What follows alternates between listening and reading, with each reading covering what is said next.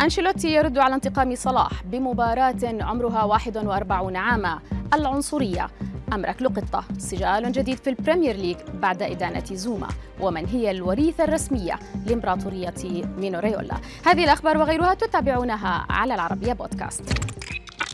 نبدأ أخبارنا مع رد كارلو أنشيلوتي مدرب ريال مدريد الإسباني الساخر. على تصريحات محمد صلاح لاعب ليفربول الإنجليزي حول مباراة الفريقين في نهائي دوري أبطال أوروبا المقررة السبت المقبل. صحيفة ماركا الإسبانية كشفت في حديث صحفي عن سخرية أنشيلوتي عند معرفته بتصريحات اللاعب المصري ورغبته في الانتقام من النادي الملكي عما حدث في البطولة الأوروبية عام 2018 إجابة أنشيلوتي تمثلت بأن هذا الأمر قد يكون دافعا له ولكن ريال مدريد خسر أيضا من ليفربول في باريس وهو دافع لنا أيضا من أجل الانتقام. في إشارة من مدرب ريال مدريد بأن الفريق لم يخسر أي مباراة نهائية في دوري الأبطال منذ عام 81 أي قبل 41 عاما.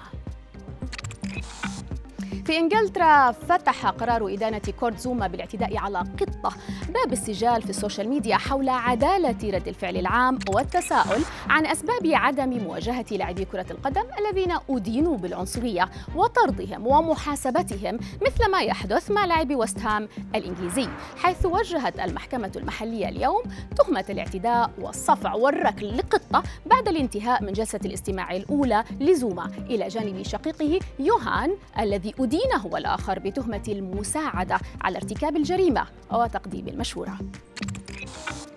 والآن مع امرأة حديدية جديدة في عالم المستديرة كثر الحديث عنها عبر مواقع التواصل الاجتماعي. تدعى رافائيلا بنونيتا خليفة وكيل أعمال اللاعبين الشهير الراحل مينو رايولا وأستاذة قانون دولي.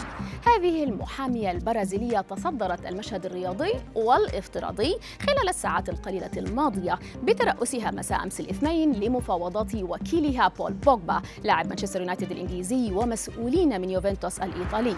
وسواء بقي اللاعب الفرنسي في قلعة أولترافورد أو عاد للتوقيع مع السيدة العجوز بصفقة قد تصل لستة ملايين جنيه استرليني سنويا فإننا وبدون أدنى شك على موعد مع قوة برازيلية ناعمة جديدة ومسيطرة على تفاصيل المستطيل الأخضر.